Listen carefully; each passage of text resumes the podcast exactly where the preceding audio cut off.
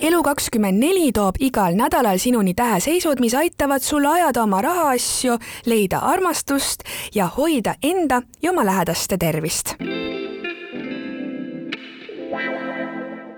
tänases podcastis kuulete, mida tähed sul uueks nädalaks ennustavad.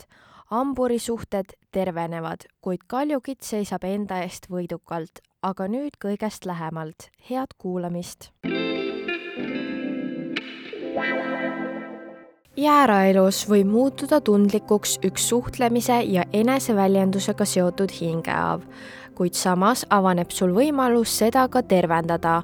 võib-olla on sul ees vestlus kellegagi, mis omab sinu elule tervendavat mõju.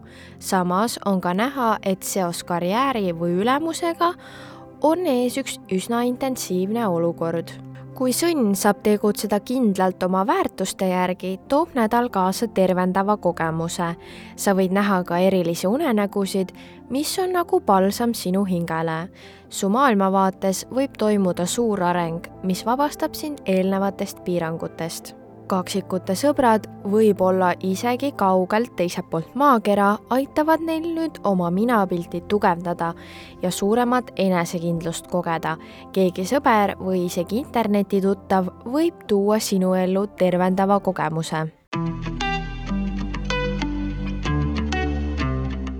vähk võib sel nädalal taibata, millised tema alateadlikud käitumismustrid on haavanud tema karjääri arengut midagi, mis on teinud sinu eesmärkide ja missiooni täitmise keerulisemaks.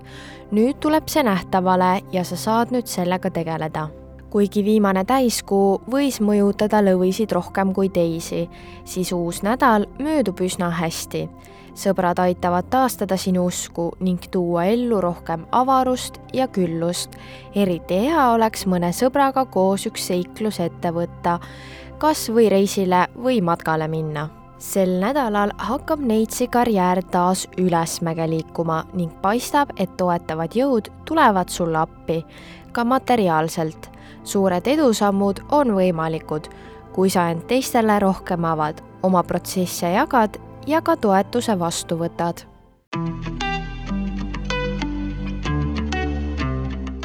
kaaludel hakkab suhe partneriga taas paranema ning abiks tulevad ühiselt ette võetud põnevad seiklused ja tegevused.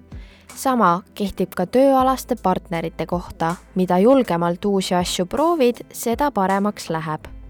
tööasjad hakkavad skorpionitel sel nädalal päris kenasti voolama ning on võimalik ületada mõned barjäärid ja tundlikud kohad. väga hea on see nädal ka neile kes peavad minema operatsioonile või sellest taastuma, sest tervendavad jõud toetavad neid protsesse. hambur kogeb sel nädalal rõõmu läbi oma partneri ja laste. Nendega koos tegutsemine on sinu jaoks tervendav ja edasiviiv. kui kummagagi on viimasel ajal probleeme olnud, siis sel nädalal on võimalik leida lahendus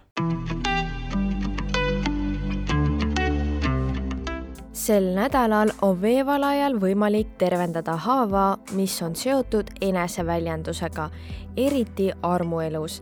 seesama vana haav hakkab nüüd muutuma pehmemaks ja kergemini käsitlevaks võib-olla oled pidanud oma seisukohti kuidagi alla suruma, selleks et teistele ega iseendale mitte haiget teha. igal juhul nüüd innustab elu sind edasi liikuma sel nädalal on kalade kodune õhkkond viimaks rahulik ning võimalik on liikuda stabiilsuse suunas.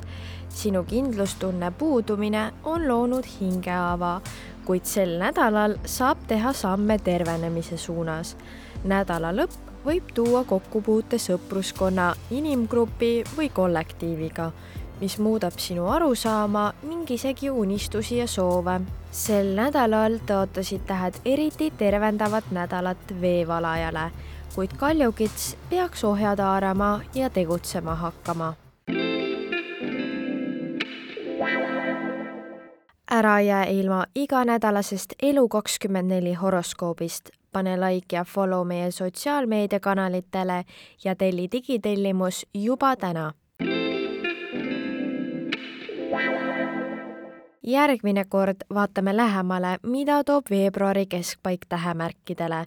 sa kuulasid Elu24 horoskoobi podcasti. suur aitäh sulle ja kohtumiseni nädala pärast